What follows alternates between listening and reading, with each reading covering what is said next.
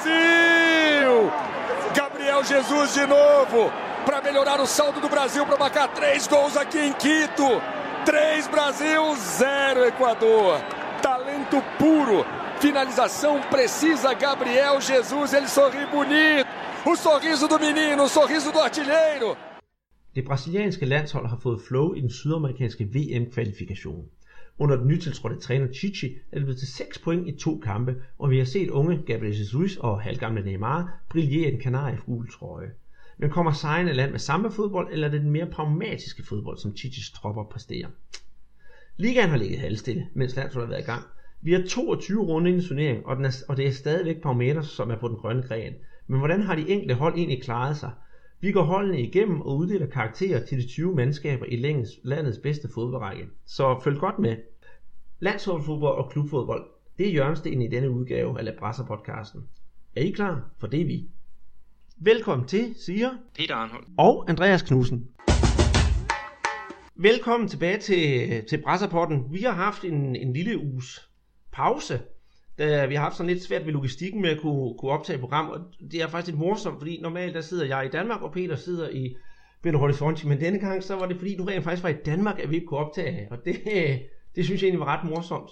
Men øhm, nu skal I ikke snydes, vi er tilbage, og øhm, vi ligger, ligger ud med at snakke om øh, det brasilianske landshold, der faktisk har spillet to kampe siden øh, sidste podcast. Den ene kamp, det var tilbage den 1. september mod Ecuador, hvor Brasilien vinder en komfortabel 3-0 3-0 sejr. Og den anden, det var her i, i nat, jeg skal sige, at vi optager onsdag aften, hvor Brasilien vandt 2-1 over Colombia. Og øhm, det må have været dejligt at komme tilbage til Brasilien med sådan to sejre i skuffen, var Peter? Det var rigtig fint, og, øh, og sige, at brasiliansk fodbold, landsfodbold landsholdsfodbold er på gang igen efter, efter nogle rigtig kedelige perioder. Altså det, vi skal jo ikke så lang tid tilbage, før de vandt OL-guld, og så nu her med øh, de to øh, VM-kvalkampe, ikke? Og, og få 6 point i dem. Altså alle sagde, at den nye træner Chichi, han ville få en, en, en svær start. Øh, men men jeg, jeg synes virkelig, han har, han har vist, øh, hvad han står for, og, og øh, han har styret tropperne rigtig, rigtig fint, og, og vinde 3-0 ud over Ecuador, og de ikke, de har ikke vundet i Quito i, jeg tror det var 33 år, altså op der i, i højden, og så vinde, vinde 3-0, det er jo fantastisk, ikke? og så var der også den anden svære kamp mod Colombia godt nok hjemme, ikke? som altid har, har voldt problemer, og den, den øh, resulterede en 2-1 sejr, ikke? så så det er jo, de er kommet flyvende fra start, øh, de her øh, øh, kanariefugle, som vi kan kalde dem, det, det, det brasilianske landshold. Det er det, og øh, hvis man skal sådan sætte det lidt på spidsen, så er, har der jo ikke været nogen, der har scoret mod dem, fordi for eksempel kampen i går, det var jo rent faktisk et selvmål af Marquinhos, der sørgede for, at, at Colombia de fik udlignet til, til 1-1. Jeg øh, har kigget jo nærmere på de her to kampe, og, og jeg synes faktisk, at holdet det er blevet rigtig homogent. Det er ikke La Familia som med Scolari, hvor de, hvor de alle sammen holder hinanden i hånden, men der er sådan en god synergi i holdet, og især i går synes jeg, at der var en, en fightervilje, og især den der venstre side der med Marcelo, Renato Augusto og Neymar, det, det er virkelig en, der er blevet velsamspillet. Og Neymar, han fortsætter stilen lidt for OL og, og trækker holdet op. Ja, men altså, han har jo smidt anførerbændet, og, og det gjorde så i den første kamp mod Ecuador, der var det Miranda, der var kaptajn. Og, og selvom Miranda var, var med igen øh, her mod øh, Colombia, så gik øh, bindet så den her gang til Dani Alves. Og det er jo også måden, som Titi han vil, vil markere, at alle spillere er, er vigtige i, i den her sammenhæng. Der er ikke nogen, der kan, der kan gemme sig ind under en, en, øh, en, en kæmpe stor kaptajn. Ikke? Og, og øh, det har fungeret godt. Altså, det, øh, også i forhold til, til Neymar, øh, det virker også som om, der er blevet taget en del af presset af ham. Øh, nu også efter OL-guld, ikke, så kan han jo nok også sige, jeg har sgu alligevel øh, haft, øh, jeg har vundet noget med, med landsholdet. Og, og også det, han er blevet fra, eller ikke længere har anført, men ikke, det, det må frigøre noget, noget energi, ikke? og han, han har jo, hvad er det, han scorer øh, et mål øh, mod øh, Ecuador, og han øh, scorer et og lægger op til et mod, mod Colombia, så, så han er også på gang, øh, Neymar. Det, det, det er i hvert fald positivt. Det har han. Og, og, og i kampen i går mod Colombia, det er jo ikke, det er jo ikke hvilket som helst hold. Selvfølgelig har Brasilien og Colombia en, en vis historie. Men, men, men Colombia har jo stadigvæk en masse potentielle rigtig dygtige spillere, og en masse gode spillere. Altså vi snakker jo selvfølgelig om James Rodriguez som den store, og selvfølgelig øh, deres, deres målmand, Uspina, som spiller for Arsenal. Altså, øh, det, er jo ikke, det er jo ikke hvem som helst, og de, de prøvede jo også at give god modstand til, til brasserne i går, men det lykkedes jo bare ikke rigtigt. Det var øh, på, på webben i hvert fald i, i nogle, nogle perioder. Altså, de, øh, Brasilien kommer jo foran 1-0 efter et minut, og så, øh, ja, så får um, Colombia udlignet lige før, før pausen på selvmål af, af Marquinhos. Men, men det er stadigvæk det der med, at, at Colombia, det er altid et hold, der skal, man skal arbejde hårdt for at, og hente de der tre point, og det gjorde brasilianerne. Og for bænken, der havde de jo Felipe Coutinho, som kom ind, både mod Ecuador, og så sandelig også mod, mod Colombia, ikke? Og, og han har bare gjort en kæmpe forskel, når han er kommet på banen, og man kan jo spørge sig selv, om han ikke burde, burde starte ind, men, men der tror jeg, at Titi han er sådan pragmatisk, siger, jamen øh, han fungerer godt i rollen som joker, så så hvorfor lave om på noget, som fungerer godt? Mm. Altså jeg synes, efter han trådte ind, der var han, der var han blandt banens bedste, så jeg kunne da godt have set, at han havde fået hele kampen, og han blev da også klappet på banen, så det var da fuldt fortjent. Ja, det var, øh, det var to, øh, to fortjente sejre. Øh, det, det må man sige, og...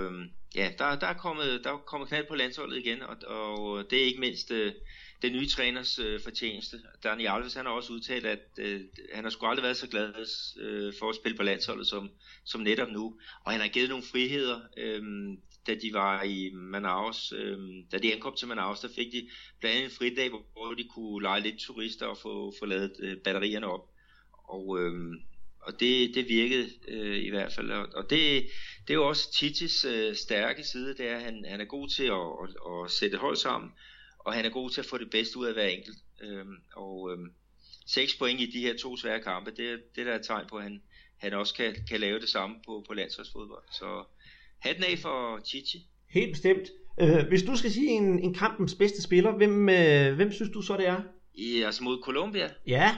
Ja, hvem der var den bedste spiller? Altså, jeg vil, jeg vil sige, at øh, øh, Coutinho, da han, han kom ind, altså han, jeg, jeg synes at han fortjener prædikatet som, som i hvert fald anden helders bedste spiller, og over det hele så også kampens bedste spiller, men ellers så, ja, så ellers, øh, ja, Neymar, altså oplæg og, og, øh, og en, en scoring, ikke? det er der også, det er der også ting, der, der gør en til man of the match. Det er der, Hvad er din, øh, Jamen det, det, det var faktisk, Spiller. hvad hedder det, uh, altså Neymar, det var, den, det, var, det var den første, og så, hvis jeg skal sige sådan, uh, Coutinho, han ville også være et godt bud, men jeg synes faktisk også, at Gabriel Jesus, han, han gjorde det ganske udmærket.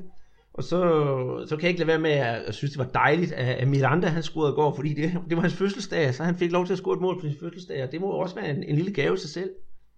Ja, det var hans første øh, mål også i, i landsholdstrøjen. Mm-hmm. Så ja, det var en, en fin fødselsdagsgave. Altså Gabriel Jesus, altså han... Øh, ja, altså medierne hernede, de kritiserer ham for, at han havde sådan lidt... Øh, er det bleg indsats, øh, men det er også set i, i lyset af, hvad han lavede mod Ecuador, hvor han scorede to mål og, og, og fik øh, fremtvunget en, en, øh, et straffespark. Øh, så han, han kommer ikke i top øh, 6, i hvert fald ikke hernede i Brasilien, men øh, øh, ikke, over, ikke fra den sidste kamp, men øh, men øh, efter et flot, en flot indsats, han lavede mod, øh, mod Ecuador oppe i, i højden. Mm-hmm. Og hvis vi også skal se frem mod den øh, næste kamp, der bliver spillet, og der bliver spillet om en lille måneds tid, det er jo så mod Bolivia. Tror du, Brasilien bare klør på? De skal jo holde fast i, i hvad, de, hvad de har præsteret indtil videre. Øhm, og de får, hvad er det, Venezuela øhm, øh, nogle dage efter. Og det, det er så i Venezuela. Ikke? Så jo, Bolivia, der, der skal de bare have tre point, ikke? Og, og Venezuela, den kan nok blive lidt sværere. Eller Argentina, de spillede mod øh, Venezuela her i, i går, ikke? Og, og, og var bagud 2-0 og kom op og fik, øh, fik 2-2, så, så der, der er ikke nogen lette point, der, der venter, venter i uh, Caracas, selvom det er bundprop. Men, men, øhm, men igen, altså vi snakker om Titi og, og hans pragmatiske måde at, at gribe tingene an på.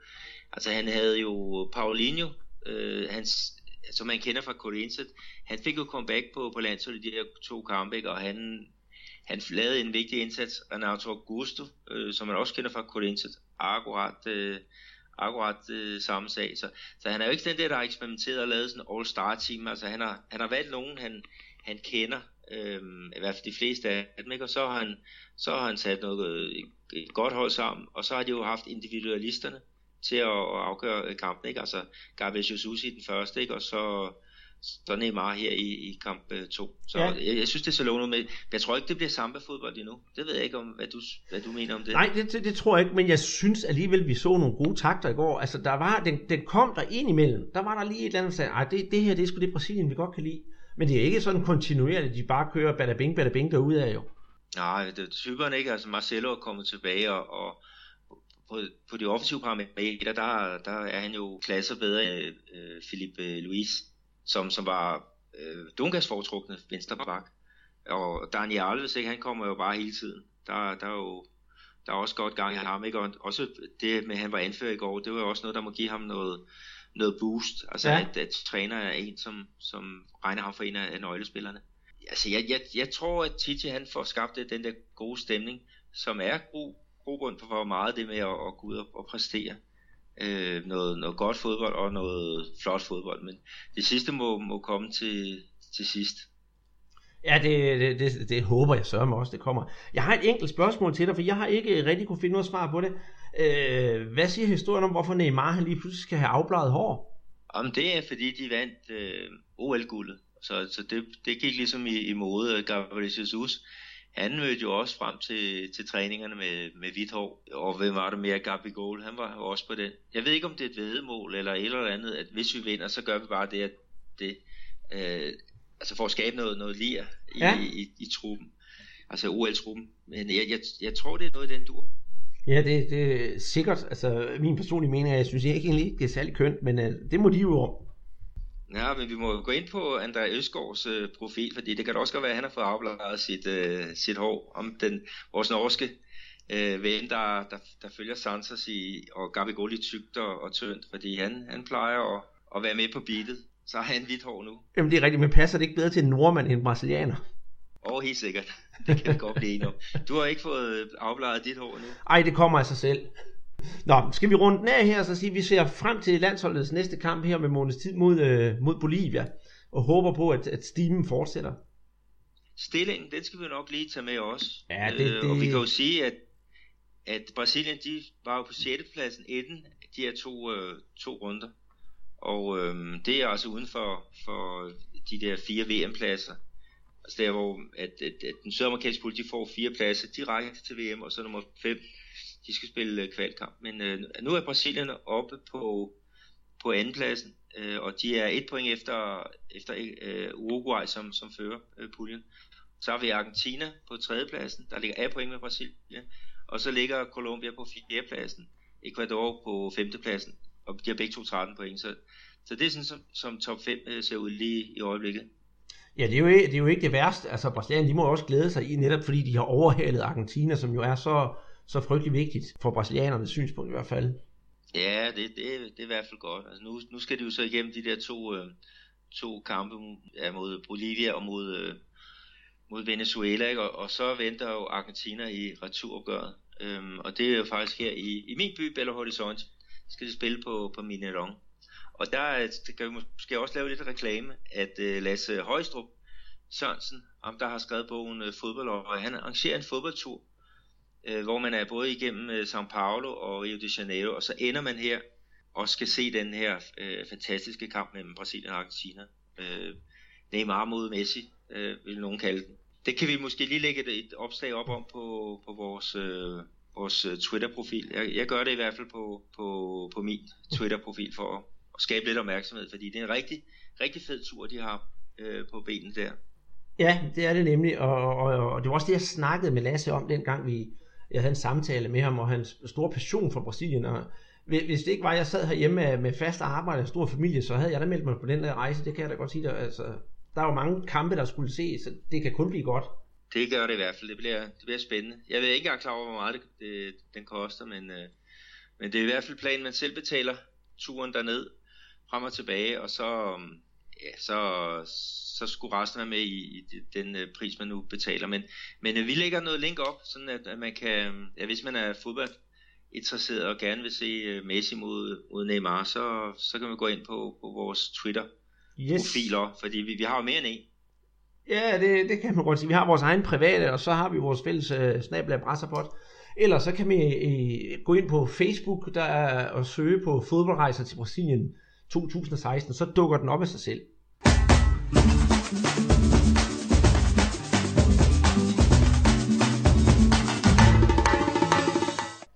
Vi er nået langt over halvvejs ind i den brasilianske ligasæson.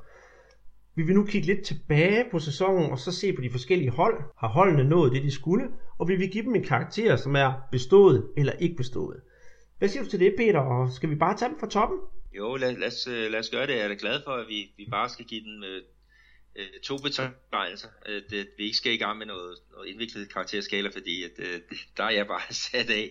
Men øh, jo, lad os, lad os starte fra, fra toppen, og, og det er jo Palmeiras, der, der troner der i øjeblikket. Det er det nemlig. Inden sæsonen, så var der måske mange, der, der, der tog dem som sådan et, et sleeperhold, der måske kunne gøre noget. Men de har faktisk vist en, en ubehagelig styrke og har vokset så op igennem kampene. Synes du, det er fortjent, at de ligger nummer et lige nu? Ja, det, det synes jeg. Øh, de har, altså, ja, altså når vi snakker om det der med, øh, med karakter, ikke, så har de altså bestået og, og mere til. Altså, sæsonen startede jo med, at de fyrede deres øh, træner Marcelo Oliveira, og så fik de Kuka ind. Og, og lige da det der skete, der var der mange, der snakkede om, at truppen ikke var, var stærk nok. Øh, men, men det har de jo i hvert fald fået tilbagebevist øh, med, med, med fulde, at, at øh, de har en rigtig god trup, og også med, øh, med Kuka som træner, så har de fået forløst deres potentiale, i hvert fald deres offensiv potentiale. De har jo scoret er det 40 mål i, i 22 kampe, og det er det hold, der, der har lavet flest mål. Øh, og så har de jo haft de der profiler, som øh, blandt andet Gabriel Jesus, øh, som, som trods at han ikke har været med i, i en del runder øh, under, under OL, ikke, så, så ligger han jo stadigvæk og, og topscorer. Øh, og han er jo så tilbage nu her. Ja. Og, og spiller kampe. Men, men øh, men øh, helt sikkert, øh, de, de har bestået og, og fuldt fortjent, at de, de fører række. Ja, og, og, og faktisk så er sådan lidt, lidt statistik på dem, så er de faktisk det hold, der har vundet flest kampe. Altså selvfølgelig skal man også vinde flest kampe for, for at ligge nummer et, men, men de har vundet i forhold til uafgjort og tabte. Og så har de også nogle, nogle udover Gabriel Jesus, som, som er deres store idol, så har de også nogle rigtig, rigtig stabile spillere i eksempelvis øh, Cheche, som vi jo tidligere snakkede om, der kom fra Audax, og hvad hedder han, Vito Vitor Hugo, han er også en, der bare spiller hver evig eneste gang. Og så er der jo selvfølgelig legenden til Roberto. Det er jo ufatteligt, han kan blive ved. Ja, hvad er han? Øh, 42-43 år og, og, og bliver brugt typisk på, på venstre bak, øh, hvor der skal løbes en del, men han, han kan også gå ind og, og spille på, på midtbanen, så, så han, han er en værdifuld øh, spiller for, for holdet her, og, og de mistede jo deres, deres anfører, deres målmand, øh, Fernando Price, som var udtaget til OL-landsholdet og, og fik så et brud på, på albuen. Og der er det så øhm, øh, se Roberto, der har, har taget anførbindet efter, efter ham, og, og det er jo en god rutineret mand at, at læne sig op af. Mm-hmm. Han har spillet en masse kampe i, i, i, i, øh, i tysk fodbold, og du, du kan jo sikkert huske de, de fleste af dem. Ja, ja, altså Bayern München, der var jo en stor, stor øh, personlighed i. Og det er også, hvis man læser hans øh, selvbiografi, så er der også et billede, hvor han spiller Bayern München, øh, Bayern München-dragten. Men et andet, et andet interessant ting, jeg synes ved, øh, ved, ved Palmeiras grundhold, hvis man skal sige det, det, det er, at de har faktisk ikke haft ret mange øh, nyankomne spillere og spillere, der har solgt. Nu har de selvfølgelig solgt Gabriel Jesus, men i det her første halvår, så er det jo faktisk den samme grundstamme, de næsten har brugt hele tiden, hvis vi selvfølgelig ser bort fra Fernando Paz. Ja, det, altså, de har jo så netop også, altså de måtte jo have en bred trup, fordi de har jo haft spillere, med til, øh, til øh, OL, altså Gabriel Jesus. Men, men de har altså kunne for, ja, de har formået at erstatte ham, mens Leine øh, pågik i, i, i Rio. Og, og, og nu her så er han jo også med, han fik jo sit debut på A-landsholdet og scorede to mål øh, i, i samme kamp mod, mod Ecuador, ikke? Men, men, øh, men det, det, er jo, øh, det er jo så vigtigt, at, at øh, man ikke er afhængig af en stjerne, øh, og, og det er det er Palmeiras ikke. De har en, en fantastisk god øh, bred trup, hvor der er forskellige personer, der kan gå ind og tage, øh, tage hvad hedder det, ansvaret. Jeg vil sige her, at den sidste kamp, de, de spillede, øh, jamen der var det en, en Dudu, øh, som, som scorede. De vinder 2-0 over, over Fluminense, et, et hold, som, som kom til den kamp uden øh, nederlag i de sidste fire kampe. Og så alligevel så vinder de 2-0, og Dudu han laver et fantastisk godt mål, øh, hvor han, ja det er nærmest fodboldakrobatik, og så det andet, det er Jean, som, som også laver en, en, et flot mål, fra, ja, hvor han banker den ind fra kanten af straffesparksfeltet. Men Jean, han har været med på, på det brasilianske hold, som vandt øh, Confederations Cup i 2013. Altså, de har virkelig nogen, der, der har noget, noget erfaring, ikke? Og, og kan gå ind og, og gøre det, det afgørende. Så, så jeg, jeg tror, at øh, ja, Gabriel Jesus, han bliver der jo og spiller sæsonen færdig, inden han starter i Manchester City her til, i januar. Så, så det er måske et af de bedste bud på, på en øh, brasiliansk mester, som, som vi snakker om her. Så det kan være din øh, umiddelbare holdning. Øh, jo, jo, jo. det, er i hvert fald i, i, i top 3. Noget andet, der også er værd at snakke om, det er, at deres hjemmebanestatistik, den er jo, den er jo særdeles fremragende. De spiller jo rent faktisk på et stadion, der hedder Allianz Park. Ikke nogen sammenligning med, med Bayern. De har spillet er det 11 kampe, og de har vundet de 8 og spillet to uafgjort. Det er, det er rigtig godt at have et, et fort. Og deres stadion, øh, som tidligere hed Palestra Italia, ja, så blev renoveret her for et par år siden. Ja, det, der er jo masser af mennesker, der kommer øh, der hver gang. Altså, jeg tror, der er, der er et, små 40.000 mennesker, som der er plads til, ikke? og, og må ikke de ligger på, på 80% øh, belægningsgrad til, til kampene. Så, så de, de er ved at få opbygget noget godt, og øhm, det, det er også en af grunden til, at jeg tror, at de kan gå hele vejen. Ja, og det kan lige sådan komme med supplement til, at de har et gennemsnitspublikum på 32.456 personer for hver kamp, og det er jo bestemt ikke dårligt. Ah, det er, det er flot. Mm-hmm. Det er det. En, en anden kuriositet, der måske også er værd at tage med, det er, at uh, Palmeiras, uh, så vidt jeg ved, er det eneste hold, der slet ikke har fået nogen røde kort. Ja, det kan du godt bilde mig ind. Uh, det, det gælder så ikke, hvis vi regner trænerne med, fordi at, uh, at uh, Kuka, han er en, en temperamentsfuld herre, og han er der han har måttet uh, se nogle kampe op fra, fra tribunen, efter at have set rødt kort. Det, det er rigtigt. Um, så. Hvis vi så skal kigge på ligaens nummer to, så vil jeg stille dig et spørgsmål, som du måske kan svare på, Peter, som mange i Rio i hvert fald siger, som man siger, da sentindo cheiro. Altså, kan du lugte det? Ja, det kan jeg i hvert fald så. Men jeg vil da hellere fortælle, hvem der ligger nummer et i CB, fordi det er nemlig min klub, det er Vasco da Gama. Og den klub, der ligger nummer to i, i Serie A, det er, det jeg må, jeg må, jeg må bøje mig i støvet og så, så sige, det er jo Flamengo. Det er jo din klub, der, der ligger deroppe og, og ruder rundt, hvis man kan kalde det det. Og det er hvad, det. Hvad, hvad, er der, hvad er der sket? Jamen, øh, de har været så ustabile jamen det, øh, de sidste mange år. Jamen det, jeg ved ikke, hvad der er sket. Nej, det ved jeg godt. Øhm, for det første, så, så tror jeg, de har fundet en, en, en træner, som ikke er noget celebert navn, som bare kan sit håndværk. Altså det, da de fyrede deres forrige træner, så var det bare nummer to i rækken, der, der blev nærmest hævet ind og det var ham fra ungdomsrækken, og han har bare gjort det så godt, Zehikano, og alle roser ham til skyerne. Desuden er der kommet lidt mere ro på bagsmækken, fordi Flamengo det er jo en stor rodebutik, som du selv, du har selv sammenlignet Flamengo med AGF. Altså for det første nogle gange det der lidt, lidt storhedsvandvid, man får, og for det andet, at der er ro i baglandet. Det er der ikke rigtig længere. Desuden har man fået forstærkninger på holdet. Netop sådan en uh, Diego er jo kommet til, og det har jo været noget, der virkelig har hjulpet. Det samme med Leandro Damian, som der var mange, der tvivler på. Han har faktisk gjort det godt. Og så i det hele taget, så er holdet sådan rigtig godt støbt sammen. De, har, de er kommet af med Wallace, som jeg for godt kunne lide, men han er altså kommet til Gremio. Og så deres forsvarskæde, den er, de, de har fået en anden general nede bagved. Før var det nemlig Wallace, og det tror jeg har hjulpet en del på det. Ja, de, øh, jeg kan huske, øh, da, da, da jeg så Flamingo øh, spille her mod, mod Crusader, og der havde de netop lige skibet øh, Wallace afsted, og der havde de så hentet to nye øh, midterforsvarer. Den ene, det var Haver, øh, som de havde hentet internationalt, og så den anden, det var Vars, som de havde hentet i, i Vasco da Gama, og, og, og de vandt faktisk kampen øh, på Minerau med 1-0, og det var så Haver, der, der scorede. Ja. Øh, og og de, de så nemlig rigtig, øh, ja, de så, det så nemlig godt ud, altså der var nogle, nogle tendenser til, at, at, at de kunne netop holde modstanderne fra at, at, at score, altså godt organiseret defensivt. Og, og så nu her, du snakker med, med Diego, som de har hentet øh, fra, fra tyrkisk fodbold, ikke? og han har jo fået til synligheden i sin anden ungdom. Han har scoret to mål i, er det fire kampe? Det har han. Også, også i det hele taget netop, at de har, de har for eksempel sluppet af med Hector Canderos, som øh, altså, han var et stor profil, men gjorde det bare ikke godt nok. Ham har de fået solgt til Ville Sars felt. Og så er de kommet af med en, en ung angriber, han havde gjort udmærket, Nixon, han, som er kommet til Amedeco MG. Så de har faktisk fået gjort nogle, gjort nogle rigtig, rigtig gode handler. Det, det synes jeg. Og så har de også fået Alex Muralla ind på målet, og han virker meget, meget sikker i forhold til, øh, til, deres, til deres tidligere målmand, som overhovedet ikke er dårlig, men Muralla, han har sådan lidt mere pondus.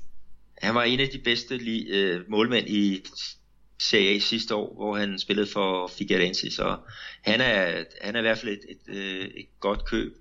Men øh, jeg kan huske her for nogle uger siden, der snakkede vi om øh, netop Leandro Damian, som, som blev hentet til, øh, til Flamengo, og vi sagde, at ham har de ikke øh, behov for, fordi de har jo Paulo Guerrero, øh, som, som var deres første angriber, og så havde de en, en øh, ung fyr, og det var øh, Felipe Viseu, som kom ind og, og lavede nogle, nogle, nogle fine mål, og, og, og jamen, der snakker vi om det der, de har ikke behov for, for øh, Leandro Damian, fordi de har altså, de har godt dækket ind på det der post, men, men øh, jeg må også, øh, jeg må også øh, melde mig i koret og sige, at det var sgu alligevel et, et, et godt køb, fordi han, er også, han har lagt pres på, på Paulo Guerrero, og Paulo Guerrero, han, han er også begyndt at, at, at, hvad skal vi sige, arbejde mere for, for holdet, end, end hvad han gjorde tidligere. Ja, for Flamengo havde faktisk i den liga hans ringeste angreb, før de der andre angriber blev hævet ind. Altså Paulo Guerrero er en stor stjerne, og han er frygtelig dyr at have på holdet. Men øh, han gør faktisk også noget bedre nu. Og en anden, som jeg også synes, der har trådt i karakter, virkelig for alvor, det er midtbanespilleren William Araun. Han har virkelig gjort det fremragende. Så jeg ser meget op til det her hold nu her. Det, det, det er virkelig blevet godt. Og da du spurgte mig om Parameters før, det der, om de vinder, så vil jeg sige, ja, måske er Parameters store favoritter til at vinde titlen, men hvis der var nogen, der skulle irritere dem deroppe af, så, så er Flamingo bestemt også en af dem. De har fået også øh, ligaens bedste udhold. Vidste du det? Nej, det var ikke klar over. Det tror jeg også er en, en stor fordel, men de spiller jo, for at sætte lidt på kant, de spiller jo faktisk ude hele tiden, for de har jo ikke Maracanã som hjemmebane. Nej, den kommer tilbage her i, er det om det næste uge, at, øh, at den kommer, at den bliver spilbar igen. Ja. Øhm, men øh, ja, men det, det er i hvert fald flot. Det, nu siger du, at at du tror, Flamingo de kan gå hele vejen, og så vil jeg sige, nu tror jeg, der er ved at gå lidt AGF i den. Ja, øh, men... Fordi at, at, jeg, jeg, jeg synes godt nok, at, at de, har, de har præsteret øh, flot, men jeg vil stadigvæk være lidt overrasket, hvis de, hvis de slutter i top 4, men det må tiden jo vise du kan jo, det kan være, at du får ret her, øh, når, når vi skal til at snakke sammen øh, og, og lave status i december måned. Ja, men det, det bliver rigtig spændende. Øh, hvis man skal sådan komme ind på noget med, med Flamingo, så vil jeg så også sige, at det Flamingo og Palmeiras er den kamp i ligaen, hvor der har været absolut flest tilskuere til over omkring 55.000. Så det er to store hold, vi gerne vil se. Og hvis vi så skal komme ind øh, på, på vores øh, karakterer med bestået og ikke bestået, det fik vi ikke gjort med Palmeiras, men det kan vi roligt sige, de bestod. Gjorde de ikke det? Jo, de bestod med, med en masse plusser ja, bagved. Men, men, men hvad vil du så sige om Flamingo? Har de bestået, eller har de ikke bestået? de, er, de har spillet meget bedre, end, end jeg havde forventet, så de får også bestået og som en, en masse plusser øh, bagved. Ja, det gør de også fra min side, for jeg tror i en af de første podcasts, der sagde jeg noget med, at øh, jeg ville være glad, hvis Flamingo de kom i G4, eller så forventede jeg, at de var i top 7, så øh, en forløbig anden plads, det kan godt være, det ændrer sig i aften, fordi der er jo en runde, der bliver spillet, den går i gang her om to små, små to timer, men øh, lad os se. Øh, en anden bejler, til, øh, til ligatitlen, det er jo hjemme i din baghave, Peter. Det er Atletico Mineiro, øh, som ligger på tredjepladsen i ligaen, ja, og, og det, er jo, det er jo dejligt, at vi har nogle, nogle hold her fra, fra byen, som, som, som klarer sig godt. Altså vi har jo tre hold, så udover Atletico Mineiro, så har vi Cruzeiro, øhm, og så er der Amerika, men det kommer vi ind på, på senere hen. Men Atletico, det er det hold, der, der har klaret sig bedst, og det er også dem, der har købt øh, øh flest spillere, altså de har jo hentet øh, her på det seneste Fred og, og ikke mindst øh, Rubinho, øh, driblekongen, og øh, de, de, de kører øh, af. Øh, har nogle problemer med nogle skader øh, lige her på det seneste, men øh, at de ligger på tredjepladsen, det er, ja, det havde jeg egentlig for, forventet, men, men øh, stadigvæk så er det jo, så er det jo meget godt, at de, de holder, de holder vand. Altså kunne tro med sådan en som Rubinho, så kunne det godt være meget svingende, hvad de, hvad de leverede, men, øh, men, men de, har, de har præsteret øh, jævnt godt og, og, og fortjener tredjepladsen. Ja, det gør de. Øhm, og de har faktisk også en, øh, en, en forholdsvis god udbanestatistik, så det er også hold, man rigtig kan regne med. Men hvis jeg kigger på, jeg skal kigge på noget godt, og kigge på noget måske knap så godt med, med Atletico Mineiro, så vil jeg sige for det første, det gode, det er jo, at det netop bliver fået gang i Robinho. Også i Fred, for jeg var lidt i nogle tidligere podcast lidt skeptisk over, hvad skulle Fred gøre på det hold, og to store egoer, der skulle spille sammen. Men øh, det, der har jeg måttet lukke munden igen, fordi de to de har virkelig fundet melodien og laver et fantastisk samspil. Ja, så har de jo også, øh, øh når vi snakker om Fred, så har de jo en, der hedder øh, Lucas Prato, som, som netop er blevet udtaget til det, det argentinske landshold. Eller netop blevet udtaget. Han er i hvert fald han er kommet med igen efter at øh, Bausa han har han har øh, han er blevet argentinsk landsholdschef, og han scorede faktisk for Argentina i deres 2-2 kamp mod, mod Venezuela. Øh, og og øh, deres øh, træner, øh, Marcelo Oliveira, han, han har jo brugt både Fred og øh, Lucas Prato øh, op foran øh, sammen, selvom de måske er sådan lidt tankforward-typerne, men, øh, men øh, de har kunne, kunne arbejde sammen og øh, har, har leveret en, en rigtig, rigtig god indsats. Øh, og de får jo brug for, for, for alle de der kræfter, altså fortæller det med jeg mener til den der kamp i aften eller i morgen, at de har 10 spillere, som er, er ude med skade, så, så Atletico, de, de skal bare have en, en bred trup. Ja, jeg har, jeg har så et spørgsmål til dig, for, for øh, den transfervinduet er netop lukket herhjemme, og der har Atletico Mineiro solgt en af deres øh, rigtig store spillere, nemlig Douglas Santos, til øh, Hamburger Sportsverein. Øh, hvor meget tror du, det vil påvirke holdet i, i resten af sæsonen? Jamen, de har jo spillet uden øh, Douglas Santos her under, under OL, og det, der klarede det så fint, at de, øh, de øh, var ude og investere i en, øh, en rutineret vensterbak, som, som var med til at vinde VM for, for Corinthians. Øh, og, og han fylder den plads ud øh, lige her nu, så, så jo, de vil da savne ham på, i hvert fald med hans offensivspil, men, men øh, samlet set, så, så tror jeg nok, de skal, de skal, de skal klare sig. Øh, så i, jeg forventer faktisk, at øh, Atletico de, at, at de kan holde øh, kadencen og, og også vil være i, i top 4. Så, men hvis vi snakker om det der med øhm, um, karakter, hvad, hvad vil du så vurdere Atletico til? Jamen, øh, de, de har bestået, det synes jeg bestemt, men man kan jo næsten ikke sige andet, at når holdene ligger det om. Men vi havde jo også inden da snakket om, at Atletico var måske også en bejler til titlen men de er ikke bestået med, med glans, fordi de første øh, 4-5 runder, der gik det jo ikke særlig godt, og vi har selv snakket om, at det er nogen, der nærmest har i løbet af turneringen har spillet sig i form. Så hvis jeg kigger sådan de sidste 8 runder tilbage, så har de bestået med plus plus. Ja, de, de startede sæsonen med, med cementankler øh, i, i blokken, ikke? men øh, altså, det, var, det var ikke godt, men, men øh, de har jo som sagt fået fat i, i Marcelo Oliveira, som er en gammel spiller, og som gjorde som træner øh, Cruzeiro til mester i 2013 og 14, ikke? og han, han øh, har vist sit, øh, sit værd, selvom han havde en, en svær start. Så ja, vi, vi, må, vi må se, altså hvis de kan undgå skader, og det, det tyder det på, at det, sådan er det i hvert fald ikke i øjeblikket, så kommer de, altså, så tror jeg, de, de kommer til at ligge på en, på en første eller anden plads, når, når turneringen er om. Ja, jeg tror ikke, de rykker længere ned i hvert fald. Nej, jeg tror også, de, de kommer mm. til at ligge i, ja, der, der bliver nok, ja, top 4 øh, placering, i hvert fald til Atletico, ikke? og det betyder, at der bliver Copa Libertadores kampe på Arena Independencia her til, til næste år. Ja, hvis vi så skulle spille øh, Copa Libertadores i morgen, så vil den sidste, det sidste hold, der indtager pladsen, det er jo på fjerdepladsen, det er Corinthians. Og det er jo et hold, der har været igennem sådan lidt en, kan man sige, en slags tumult, fordi de har jo mistet Chiche så til, til landsholdet. Han er vist den eneste træner, der er gået fra et hold, uden at være blevet fyret i den her sæson. Og så har de jo fået Christopher Borges. Øhm, de ligger på den her fjerde plads. Men, øh, tror du, de bliver ved med det, Peter?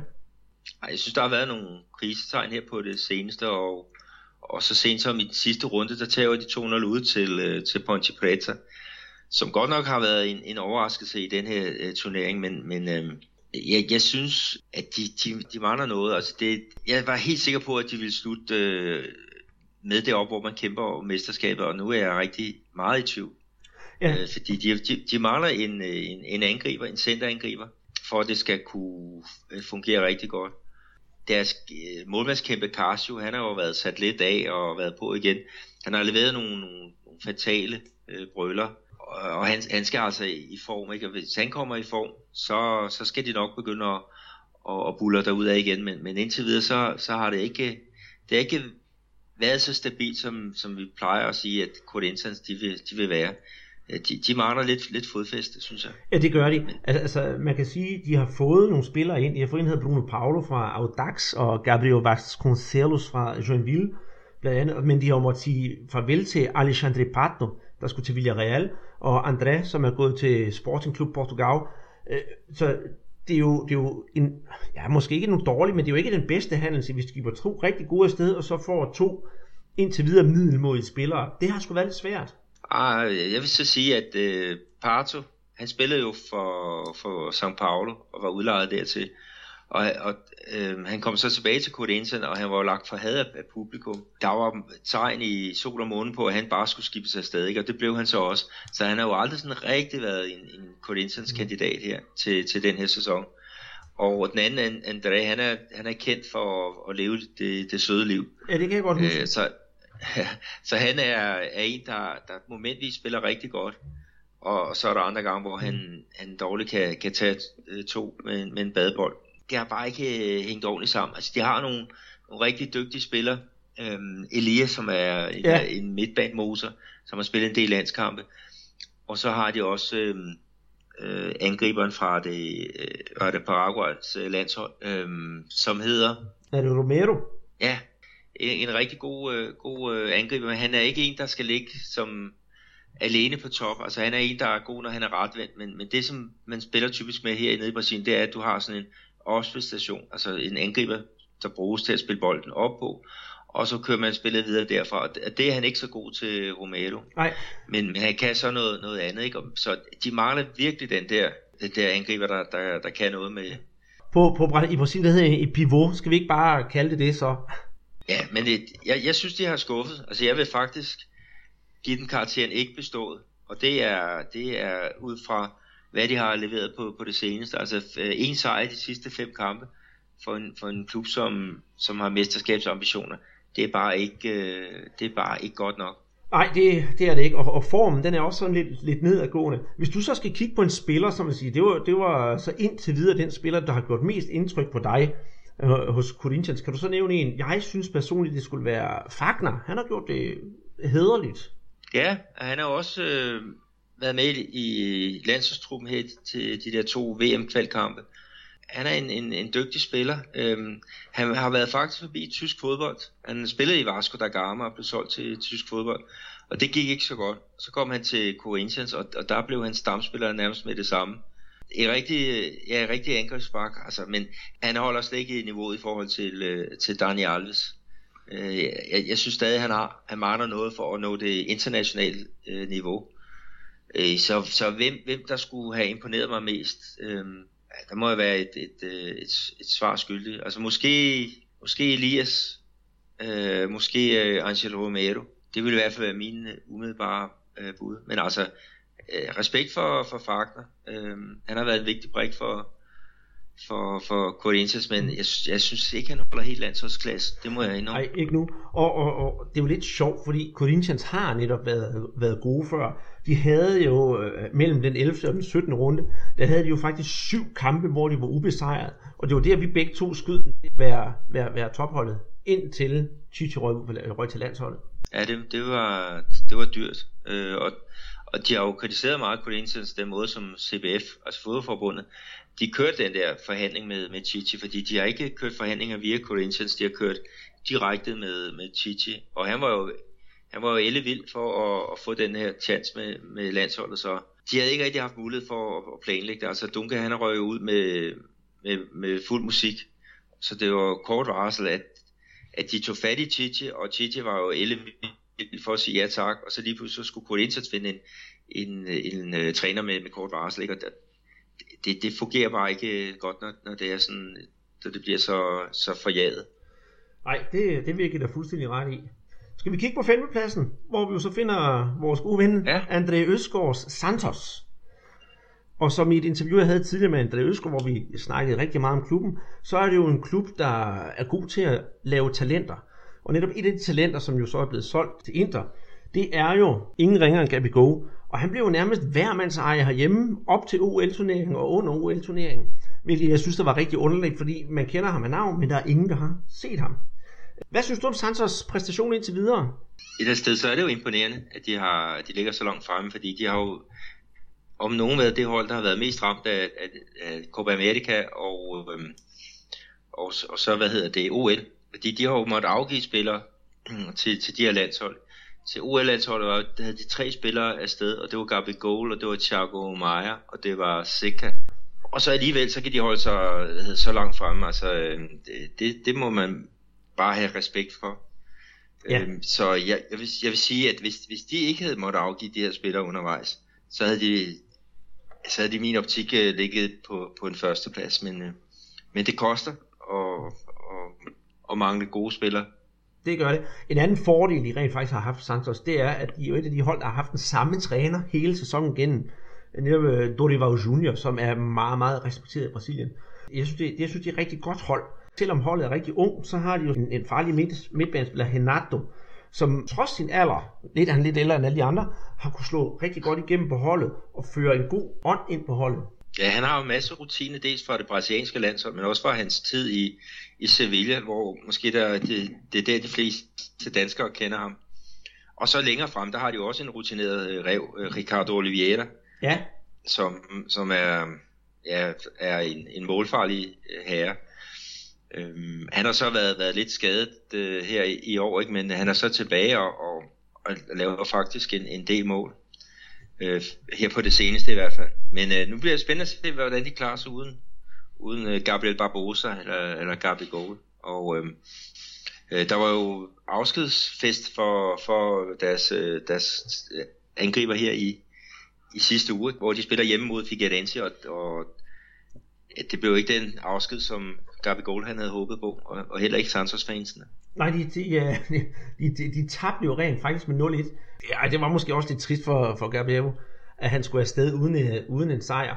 Og mange havde jo faktisk også regnet med, at øh, Gabriel skulle blive i klubben, ligesom øh, Gabriel Jesus sæsonen ud for ligesom at hive mesterskabet hjem til Santos. Og det, det skulle han jo desværre ikke, og jeg føler lidt med alle de der Santistas, der er rundt omkring, at man nærmest var solgt ud af arvesølvet, inden, at, inden boet det var gjort op. Ja, men de mangler penge i, i klubben.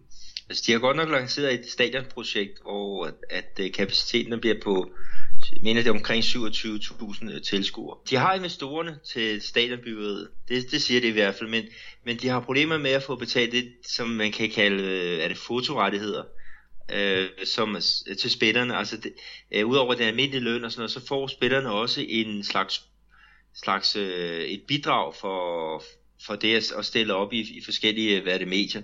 Ja, okay. Og der er, de, der, der er de to måneder bagud med, med de betalinger. Øh, og det er jo ikke tegn på, at man har en, en rigtig sund økonomi. Så, så Gabi Goal og, og de penge, som de får ind på dem, de, de falder helt sikkert på et, et meget, meget tørt sted. Jamen det er garanteret, og det er jo, det er jo, det er jo synd, at man har sådan en, en potent klub, som, som ikke kan beholde sine spillere, fordi man simpelthen mangler at betale løn. Det, jeg, jeg, jeg kan ikke forstå det egentlig. Nej, det, det er det. Fik vi først snakke om, hvor meget at det Inter skulle betale for Gabriel Jesus? Mm, Det, det mener jeg ikke. Var det ikke 25 millioner euro? 25 millioner euro. Ja, det er nemlig rigtigt. Så det, det er jo nogle gode penge at få i kassen. Så Mhm. nu må jeg håbe, der kommer lidt, lidt ro på bagsmækken, og de kan fortsætte deres, deres øh, ja, enorme øh, talentudviklingsarbejde. Øh, fordi at øh, Santos, det er en, en meget, meget øh, fin klub. For, ikke bare for selve regionen, men for hele brasiliansk fodbold. Ja, det er det. De, de er i stand til at lave stjerner. Og når de har lavet så mange stjerner, så skal vi så sige, øh, at de er bestået eller ikke bestået for sæsonen indtil videre. Jeg vil gerne starte, og jeg synes faktisk, de lige knapperne består. Altså, åh, de burde ligge bedre. Og så især den der med økonomien, det synes jeg faktisk også burde spille ind. Hvad siger du? Jamen, jeg har den som øh, bestået, og det er med, med tanke på, at de har måttet aflevere flere nøglespillere i, ja, mange nøglespillere i flere perioder. Så under øh, Copa America, hvor de var uden Gabriel Jesus og, og en af to spiller mere, ikke? og så under OL, der er til stede uden øh, Gabriel Jesus, og to mere, ikke? og, og øh, når man i den grad bliver punkteret, og så alligevel ligger med det op, så det, det synes jeg må, må give bestået. Det er så i orden. Det er godt, vi ikke altid er enige om sagerne. På en sjælplads, der finder vi jo øh, de blåsorte fra, fra Gremio altså fra Sydbrasilien. Og det er jo et rigtig, rigtig stolt hold. Men synes du, det er godt nok til en sjælplads? Ja, Grêmio har også været ramt af, af det med, at de måtte afgive vigtige spillere til deres øh, landshold. Ja, det har de. Så, øh, de, førte jo, de førte jo rækken på et tidspunkt, og så skulle øh, øh Dunga skulle så udtage et, et hold til øh, Copa America, og der var lige pludselig røg Marcelo Groy, han røg afsted, deres, deres øh, sikre ankermand, og så Wallace øh, røg også afsted. Og herunder OL, så var det jo blandt andet, øh, ja, Wallace var der også afsted der, ikke? og så Luan, deres, deres absolut øh, bedste angriber. Så de har jo ligesom Santos været noget, øh, noget punkteret undervejs. For eksempel under Copa America i juni måned, der måtte de jo undvære deres superkeeper Marcelo Godoy, der blev udtaget til landsholdet. De måtte ud, øh, undvære Wallace, en defensiv øh, midtbanespiller, som også var med landsholdet. Og OL, der var det jo øh, Luan, deres absolut øh, topangriber, og så øh, Wallace, der, der måtte afsted en gang mere. Så, så de, det der med at kunne stille stærkeste hold, det, det har været umuligt for, for Kremio igennem længere perioder. Og, og, og den vej igennem, så synes jeg også, at en, en 6. plads, det er, det er okay. Det, det, får, det er godkendt for mig bestået. Men, men øh, jeg kan godt forstå, hvis der er, er mange kremistas eller santister, som, som hader landsholdsfodbold, fordi de har godt nok, øh, de har godt nok øh, øh, lagt problemer ud for, for deres øh, klubhold. Ja, og det giver jeg da fuldstændig ret i. Og hvis jeg skulle også nævne noget positivt for, for Grêmio, så er det det der med, med Wallace og Luan. Det er jo to folk, der bare har fungeret. Øh, og, og det er jo netop synd, de skal afgive de der folk til, til landsholdet. Men det er jo den evige problematik. Det er det nemlig, og det er jo det, det er en årsagen til, at det er på den måde, det er, at man, man i starten af året har i fire måneders periode, hvor man spiller de der regionale mesterskaber. Ikke? Og det gør, at, at man får den landstækkende række, at den skal presses sammen på, ja, på noget, der svarer til 7-8 måneder. Og, og, og så er der bare ikke tid til at holde de her de store landskabspauser. Og det, det koster. Ja, det gør det. Hvis jeg skal hælde et lille dråbe malurt i, i, i Grimios bære her, så er det faktisk, at deres udebanestatistik, den er egentlig ikke særlig fantastisk. At øh, på hjemmebane der er de gode, men på udebane, der, der svigter de. Så hvad, hvad, hvad tror du årsagen kan være til det? Er det bare, at man ikke er god på udebane simpelthen? Sådan et jydekompleks? Ja, øh, det, altså deres, øh, deres hjemmebane øh, arena, Kremio, der er jo plads til 60.000 mennesker, det er moderne. Øh, moderne arena, som blev bygget øh, lige op til, til VM i, i fodbold. Og det er blevet sådan deres, deres fort. Altså der, folk de sidder tæt på, man sidder rigtig, rigtig godt og, og de er rimelig fanatiske, de her um, kremister, når de er på, på stadion. Så, så um, det undrer mig absolut ikke, at de er stærke hjemme, men jeg, det undrer mig derimod, at de ikke får flere point på, udebane. Ja, det er rigtigt. Altså, selv, øh, selv bundholdet Cruzeiro, de har, de har dobbelt så mange udebanesejre som, som Gremio. Og det, det sætter lidt i perspektiv. Jamen, jeg så Gremio spille på udebane her mod Atletico Mineiro, og, og der vandt de, jeg tror det var 3 eller 4-0 øhm, over ja, et hold, som, som sluttede i, i brasilianske top 4 i, i, i sidste år, ikke? og som, som i øjeblikket ligger på tredjepladsen i, i ligaen. Så det, altså, de kan noget på, på udebane, øh, men, men bare ikke ofte nok. Nej, øhm, nu har vi begge to nævnt Luan. Skal vi blive enige om, at han har været sådan holdets profil indtil videre? Ja, helt, helt sikkert. Øh, og så var det Marcelo Groy, øh, som er er en fantastisk ankermand. Og så selvfølgelig Wallace, som det ikke er ingen grund, han kommer med både til Copa America med, med en træner, og så til, til det olympiske lege med, med en anden træner. Altså han, han er også en spiller med masser af kvaliteter, og Europa, europæiske klubber har også haft øh, kig på ham. Så spændende, hvor lang tid de får lov til at beholde i hvert fald øh, Luan og, og, og Wallace. Ja, det bliver rigtig, rigtig spændende. Men øh, lad os nu se, når vi kigger, kigger længere fremad. Øhm, næste levende billede, det er jo så Ponte Preta. Og øh, hvad er det, vi plejer at kalde dem? Jamen, vi snakker noget om nogle grå mus. Altså, det kan godt at de er nogle grå mus, men øh, jeg synes faktisk, de præsterer ret godt. Og hvis vi starter med at sige bestået, ikke bestået, så synes jeg faktisk, at Ponte Preta, de har bestået en syvende plads. efter alle de her runder her, det synes jeg faktisk er helt okay. Ja, jeg vil også sætte nogle plusser bagefter, fordi det, det, det er rigtig godt, det de, de har gang i, i den her klub. De har jo ikke det største øh, spillerbudget. Øhm, Ponte Preta, det er en rigtig gammel klub, øh, faktisk en af de ældste i, i Brasilien, og de holder til i Campinas i, i staten i São Paulo, og har ikke så mange øh, tilskuere på deres, øh, til deres hjemmekampe, men, øh, men øh, deres, deres træner, Batista, han har altså fået sat et homogent hold sammen, og, øh, og blandt andet så er en af, af spillerne, det, det er Wellington Paulista, som nogen kan huske fra et ikke så godt ophold i West Ham her for nogle år tilbage. Ja, ham har vi snakket tidligere om øh, i podcasten. Men ellers så synes jeg også, at en, en mand, der er værd at nævne, det er jo faktisk uh, Aranha, deres målmand. Det betyder faktisk æderkoppen. Det har han fået netop, fordi han laver et stort spind, og så er der intet, der kommer ind. Ja, men en rigtig dygtig målmand, øhm, som, som stod i, i Santos her for nogle år tilbage. Øh, der var en ankermand i, jeg tror det var han var faktisk en evig reserve øh, tidligere, ikke? men så fik han chancen, og der var han, så var han første målmand i, i et par år, ikke? og så var der noget med noget, øh, de kunne ikke blive enige om lønnen, øh, og, så, og så skiftede han til, til en anden øh, klub. Han er ved at få gang i sin karriere igen, den, den store sorte mand. Ja, Øhm, øh, jeg har ikke så meget mere at, at sige til dem. Det skulle måske kun være deres, et af store profil på holdet, udover Arne, som jeg snakker om. Det er deres, øh, kan man sige, offensiv midtbane, William Potka, et meget morsomt navn af brasilianer for øvrigt. Han, han har også gjort det rigtig godt, som, hvis jeg skulle fremhæve noget. Ja, og så helt fremme, altså udover Wellington Paulista. Han har så været lidt inde og ude, ikke? Men, men de har også en, der hedder Rocher, som, som øh, laver øh, pænt stabilt med, med mål. Overraskende, at de ligger deroppe, mm. øh, men øh, jeg, jeg tror ikke, de holder kadencen. Øh, jeg tror, de, de må lidt længere nedad øh, her i, i løbet af de næste par måneder. At, øh, der er jeg faktisk ikke, der er bestemt ikke uenig. Øh, skal vi ligesom kuriositet her sige, at øh, deres kælenavn, det er faktisk øh, aben. Ja, det, det er også øh, meget sjovt. Det er godt. Deres målmand, det er Aranya, som på et tidspunkt blev chikaneret på Kreml Stadion, øh, hvor han blev kaldt aben. Og det kom der jo en kæmpe øh, racisme-sag øh, ud af. Det, jeg, jeg troede ikke, man måtte have en abe som maskot, men øh, det må man så godt. ja, det må man nemlig. Hvis vi går videre, vi skal jo igennem tabellen, og det er jo på 8. pladsen der finder vi jo så Fluminense, som, øh, som jeg på et tidspunkt var fred, kaldet for fredløse Fluminense, fordi de mistede jo Fred undervejs i turneringen. Og jeg synes faktisk også, at da de mistede Fred, så mistede de faktisk også en kende momentum. Jo, men de er jo så kommet øh, i gang igen. Altså, de er jo sat sig på et, et, øh, et yngre hold, og, og de er så i en sæson, hvor de er ved at bygge noget, noget nyt op. Og øh, de spillede jo mod, øh, øh, mod Palmeiras her i sidste uge. Og der kom de faktisk til den kamp uden nederlag i, i fire, øh, de fire kampe. Øh, øh så de er ved at, at finde noget, noget fodfæste. Øh, de tabte så til, øh, til Palmeiras, men øh, det er der mange, der gør.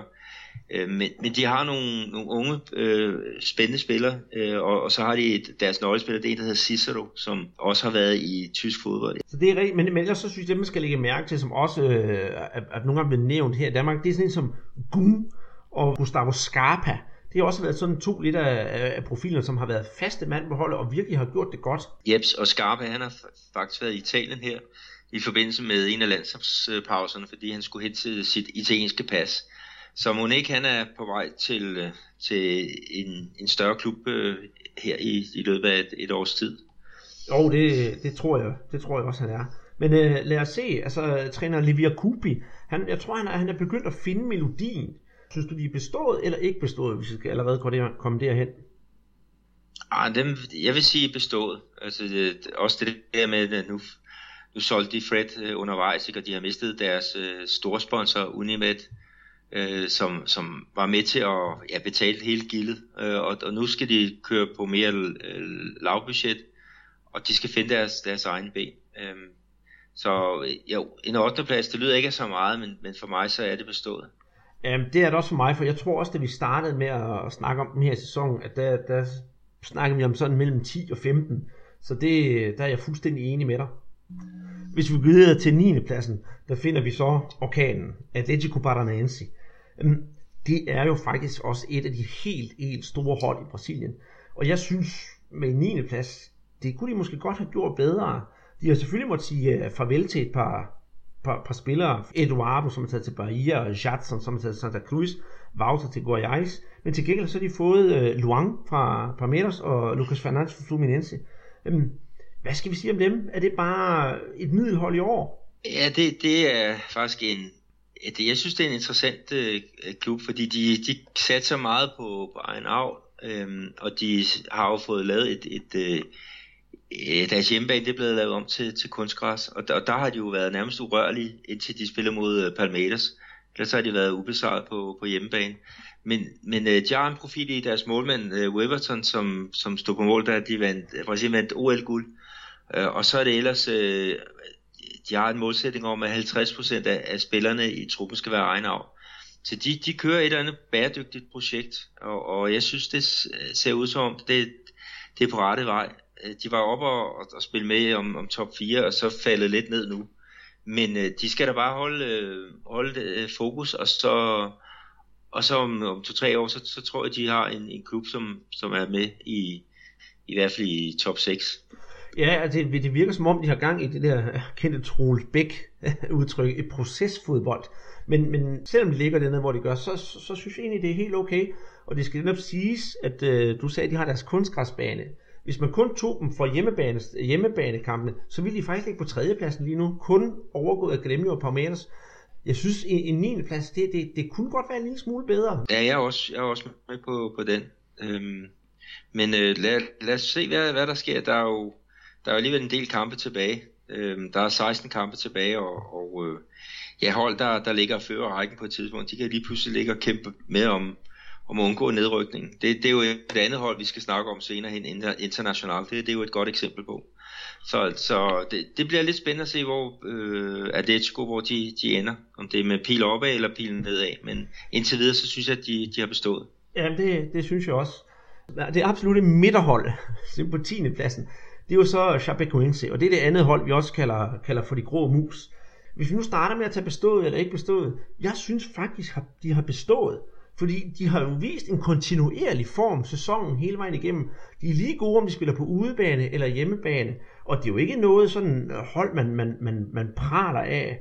Hvis jeg skal nævne to spillere sådan lige fra hoften, så den ene det er Jørgen, som jeg snakkede tidligere om, han egentlig hed Jørgen, som ikke gør det, og så Kempes.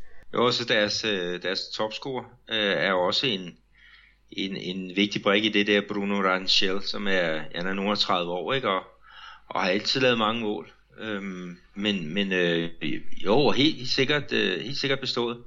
De har også de har fået en ny træner undervejs, øh, Cario Junior, og han har faktisk gjort et rigtig, rigtig godt arbejde. Så øh, jeg har ikke øh, ret meget at sige om det her hold andet end, at det er netop ja, de grå mus, som ingen lægger mærke til, men spiller en, en solid gang fodbold, og faktisk også ret til tider ret underholdende. Ja, og de er rigtig gode på, på hjemmebane. Det, det skal vi også øh, have med. Øh, men øh, ja, altså det er jo et, et hold, som jeg nok havde tippet til, til nedrykning, og de ligger på 10. pladsen øh, med, ja, hvor mange point har de ned? 6 point, ikke? Det er det, der er bestået. Jamen det, er, det har de. de. De har netop også ned, og så 30 point har de, og så er der 13 point op. Så det, det synes jeg er helt okay. En, som kuriositet, så kan jeg nævne, at de har solgt en uh, Matthäus Biteko til Hoffenheim i Tyskland. Så vores gode venner fra Bullybold skulle måske holde lidt øje med ham. Ja, men det, det er en, i hvert fald en dygtig ung spiller, der har været med på, på nogle unglandshold også. Så um, jeg håber, han, han får hul igennem. Nummer 11 i rækken, Botafogo, som har fået en, en ny hjemmebane ude på Ilha do Governador i Rio. Det har været hold, der har startet frygteligt dårligt i den her turnering. De var oprykker fra den næstbedste række, og, og, og har et rigtig, rigtig ungt hold. Og nu ligger de jo så på, på 11. pladsen, og hvis vi kigger bare seks runder tilbage, så lå de jo rodet rundt ned i bunden. Umiddelbart, så synes jeg faktisk, at de indtil videre har bestået, især for det arbejde, de har lavet her det sidste stykke tid. Jeg har også øh, dem, som bestået. Øh, de mistede deres træner. Øh, de mistede jo Ricardo Gomes, og ind har de jo så fået en, der hedder Jair Ventura, som jeg ikke kender så ret meget til. Jeg ved ikke, om du måske kan sige noget om ham? Nej, jeg kender ham heller ikke uh, særlig meget. Men, men han, har, han har jo fået en, en rigtig god start øh, for Botafogo. Og, og øh, ja, de vandt øh, den sidste kamp, den var faktisk en udsat kamp, den vandt de jo 1-0 over, over Grêmio, som kæmper med om, om, om top 4. Ikke? Og jeg, jeg ved ikke, jeg havde da i hvert fald dømt øh, Botafogo til at ligge øh, skal sige, lige over stregen, når, når det hele var, var færdigt. Ikke? Så, så de har, de har overrasket mig. De har været svingende, som du siger, øh, men øh, de har haft nogle, nogle spillere, som er, er, er trådt i, i karakter. Og en af dem, det er Nielsen, som øh, da han spillede i Santos øh, på ungdomsfodbold, blev kaldt for den, den nye Neymar. Øh, det er han så ikke helt, men, øh, men han, er, han har gjort det rigtig godt for, for Botafogo. Det har han bestemt, men jeg synes faktisk ikke, at han er det største profil på holdet så indtil videre. Altså, til at starte med sæsonen, der har vi jo begge to rost Hibamara, som tog en tur til, øh, hvad hedder det, 1860 München. Så ham har de jo ikke længere, men en anden, det er, er Camilo. Han har virkelig gjort det godt, og jeg synes faktisk, det er ham, der har holdets profil PT. Ja, det, det har du ret i. Øh, en, en fyr, som er også... Jeg tror ikke rigtigt, at han har spillet for nogle af de store klubber. Han spillede for nogle år tilbage for, for Chapecoense, som, som også vi kalder de, er det grå mus eller grønne mus. Men øh, det, er, det, det har været et godt køb for, for Botafogo, og han har, han har tilført holdet den der energi og den målfarlighed, som man, man, øh, man simpelthen manglede øh, i den første del af, af turneringen. Ja, altså øh, hvis jeg skal også komme med sådan en positiv og en negativ ting, så er det faktisk, at øh, det positive, det er egentlig, at, at, at Botafogo, de har stolet på, at deres hold, trods det unge mandskab, har kunnet præstere. De har heller ikke alt for mange penge. Det er jo en af de der Rio-klubber, der, der fattes penge. Øh, det, det har været en rigtig positiv ting. Og så er de jo lige pludselig krøbet op af listen. Og jeg synes, at vendepunktet, det kom jo sådan 6-7 runder siden, da de faktisk spillede en brav, et brav af en kamp. Deres bedste kamp i år indtil videre, det var mod Flamingo. De var jo øh, nede i sækken øh, mod Flamengo bagud 3-1. Men så fik de jo på en heroisk indsats, så fik de jo øh, et point i, i stand ikke med, med to mål inden for, for kampen. Altså, jeg kan ikke huske sidste 20 minutter. Men, men det har da nok givet dem noget, noget, noget energi og, og tro på, at de, de har en, noget at gøre her i, i landets bedste række. Men jo, helt sikkert bestået. Ja, det, det, det synes jeg også. Hvis jeg skal sige noget, som måske er lidt trist for Botafogo, men det er jo sådan set ikke deres skyld, det er, at øh, ved du, hvad deres øh, publikums- eller tilskuer gennemsnit det er? Det er vel, det kommer ikke over 5.000. Nej, det er øh, 4750 tilskuere, og det er jo simpelthen sødt. Så klubben lider jo også noget med indtægterne. De får jo ikke nogen indtægter ind, og deres øh, normale stadion, det har jo heller ikke været brugt på, god, på grund af OL. Øh, Ingenieur eller hvad var det, de kaldte det? Det hedder noget andet. Ja, det er Nilsson Santos. Nilsson. Opkaldt efter, ja, tidligere var det opkaldt efter Avalanche, ham, ham øh, hvad hedder det, fodboldmafioso, som var formand for, for FIFA. Men, øh, men nu, nu er det så blevet omdøbt til øh, den, ja, den bedste venstreback i, igennem tiderne. Øh, det er i hvert fald det, FIFA har, har kåret ja. ham, øh, Nilsson Santos, som døde for nogle år tilbage. Men altså i daglige dage, der bliver det kaldt for Ingenieur, og der kan vi også i den sammenhæng sige, at uh, Maracanã, det hedder jo også Stadio Mauro Filho, hvis det skal være sådan helt rigtigt. Men øh, Ingenieur, det var der, hvor der blev lavet atletik under OL. Så øh, Botafogo, de er jo så blevet sendt ud ja, til, til, til øen, der ligger midt ude i bugten i Rio, og skal spille fodbold derude. Så... Ja, det har været helt umuligt for dem også at lægge kampe i Rio-staten under, under OL, fordi at politiet simpelthen var 100% optaget af, af lejene. Øh, så det har været oppe bak for, ja, for alle Rio-klubberne i, i, i august måned. Det første hold, som jeg vil sige, dumper, og det er jo det næste, det er jo São Paulo på 12. pladsen. Øh, de er jo raslet ned igennem ligaen. Øh, skal vi ikke bare blive enige om, det er bare for dårligt. Ja, de brugte al deres energi på Copa Libertadores, hvor de nåede til, til semifinalen. Og så er det jo måttet øh, undvære deres, deres træner nu her, Bowser som, som er blevet argentinske øh, landsholdstræner, men, men det, hele sæsonen der har det været ustabilt. De har vundet og tabt, vundet og tabt, vundet og tabt. Øh, og, og det at øh, en klub af São Paulo størrelse, størrelse ligger nede som nummer 12, det er altså det er ikke, øh, det er ikke godkendt, men, men de har også været ude og, og, og de har solgt øh, mange spillere, eller lejeaftalerne er udløbet øh, lige efter øh, Libertadores kampene, så, så de har også skulle ligesom lave et nyt hold, øh, med en ny træner, og, og det har været for, for svært for dem, så det, det, er ikke, det er ikke set så godt ud. Nej, altså de har fået Ricardo Gomes ind som træner, og netop det, de har mistet, det er jo Allan Kardec, som var en stor profil, og så selvfølgelig ham, vi alle sammen rigtig godt kunne lide, Paulo Henrique Ganso. Og, og det er jo næsten synd, så nu synes jeg, at deres største profil lige pt, det synes jeg faktisk er Rodrigo Caio. Ja, det, det er det faktisk ham, der var, var med øh, på OL-landsholdet. Spillede, øh, ja, han spillede nærmest øh, næsten fuldtid. Øh, ja, og så, hvad hedder han, Caleri, som var, var topscorer i, i Copa Libertadores, og han er så også øh, savnet. Han er nu i West Ham og, og spille. Og, og øh, Allan Kardec, han er, han er besolgt til, til kinesisk øh, fodbold, mener jeg det er. Ja, det er det. Øh, men, men altså, Cagliari, han var deres, deres, øh, deres bedste angriber.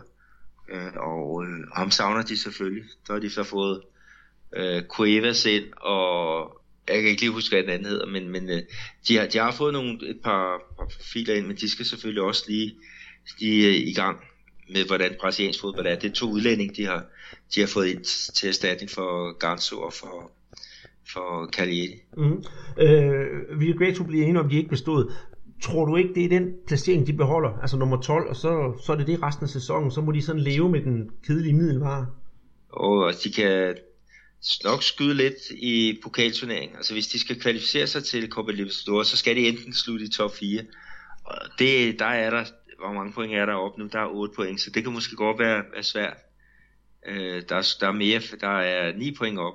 Men pokalturneringen, der lever de stadigvæk, og den giver også en plads i Libertadores. Så, så må ikke de, de bruger resten af året på at rekonstruere et hold, og så, og så satse på at, at slå til i, i pokalturneringen.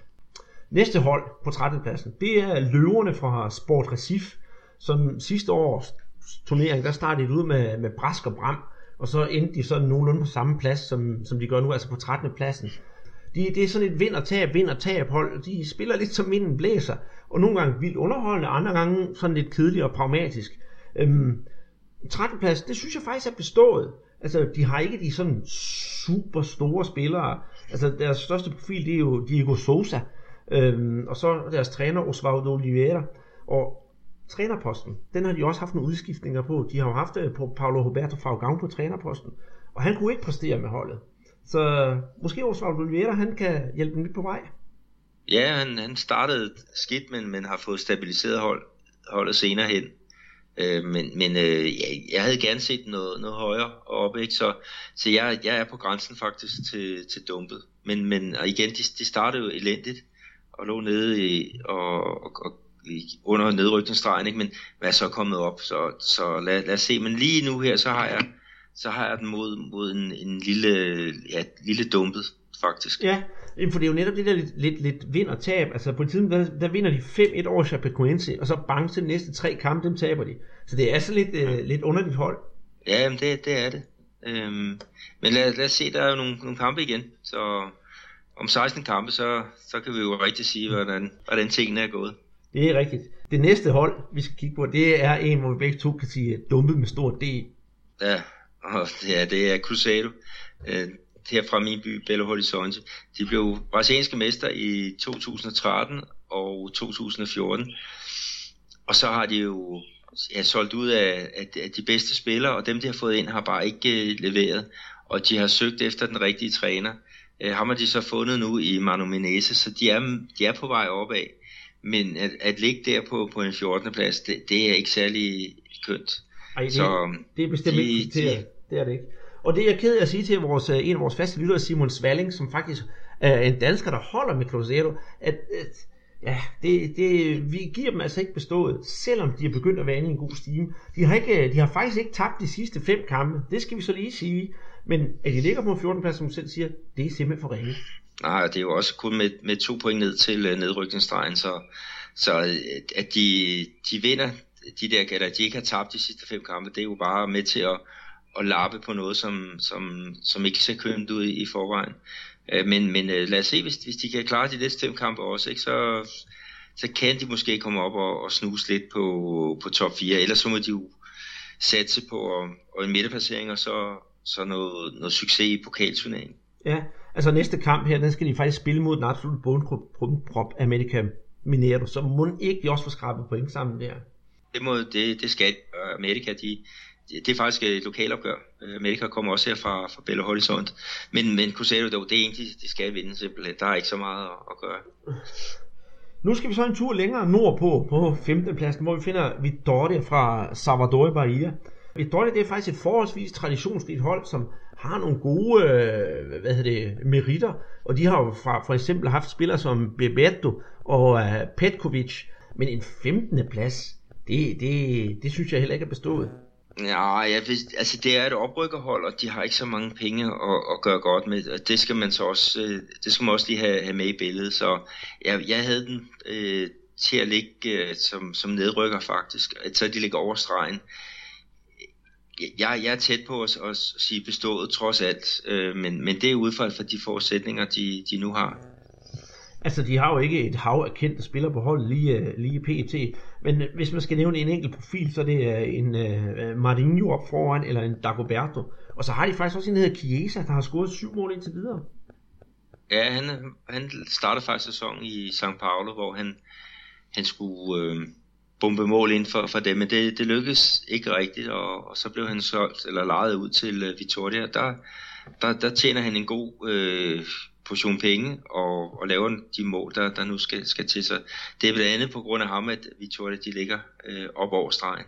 Et andet af de her hold, som også er, jeg ved ikke om jeg kan blive brug mus på 16. pladsen, det er jo de hvide lår for Curitiba. De ligger jo virkelig sådan med, hvis man skal bruge det vulgære udtryk, med, med røven i vandskorben. De har to point ned. Øhm, det synes jeg faktisk heller ikke er, er, er synderligt godt, fordi de plejer at ligge på sådan en behagelig midterposition. Så, så der vil jeg så sige ikke bestået. Ja, jeg havde dem under stregen faktisk, og nu ligger de over stregen, så, så den, ligger, den ligger og vipper. Øh, Curitiba, ja, hvad, hvad kan vi forvente af dem? Øhm, altså jeg, jeg tror, at når sæsonen er, er over, så, så kan de kalde sig selv en, en CB-klub. Øhm, Ja, jeg, jeg synes, det er nogenlunde, hvad jeg havde øh, forventet. Øh, det er selvfølgelig svært at sige, at de er bestået, men, øh, men ja, jeg, jeg er tæt på at sige, ja, de har i hvert fald ikke overrasket mig, mig positivt og de har heller ikke overrasket mig negativt. Øh, de ligger nok der, hvor jeg havde regnet med, så det må nok være en lille, lille bestået indtil videre.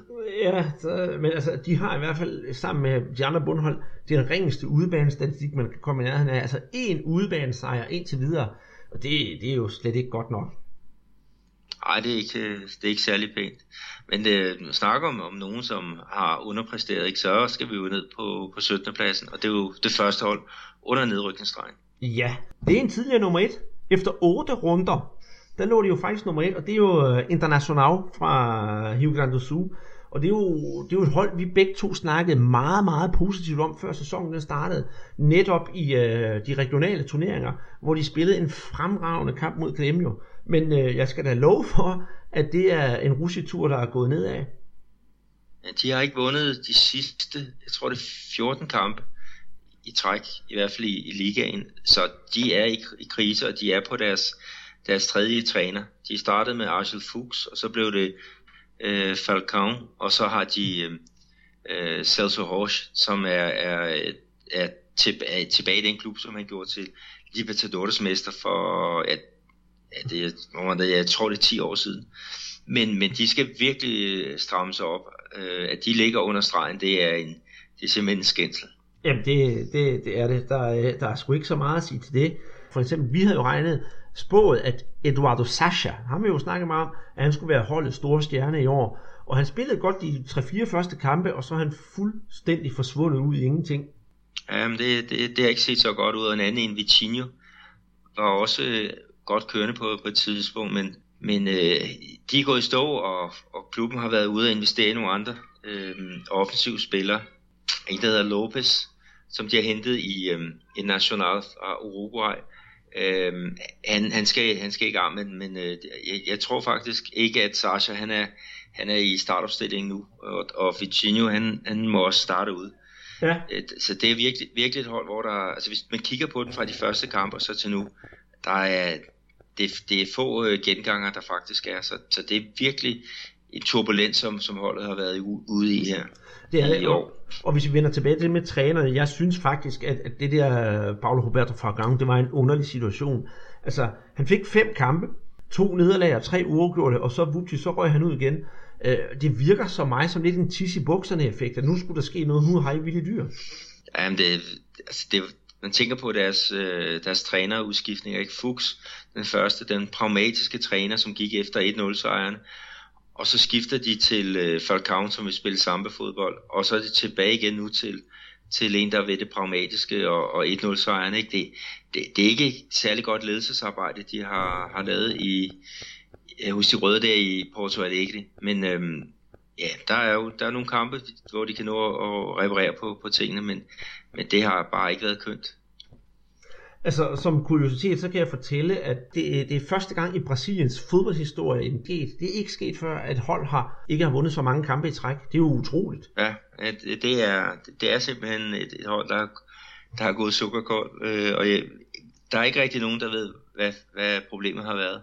Øh, det er skidt. Det er en traditionsklub, de skal ligge op i den, den bedste halvdel. De skal også ligge op og kæmpe med øh, om top 4 pladserne i, i min optik. Så ja, det er synd. Og vi havde sat dem til at være meget højere op, så selvfølgelig er de jo, de er jo dumpet. Men sådan skud for hoften.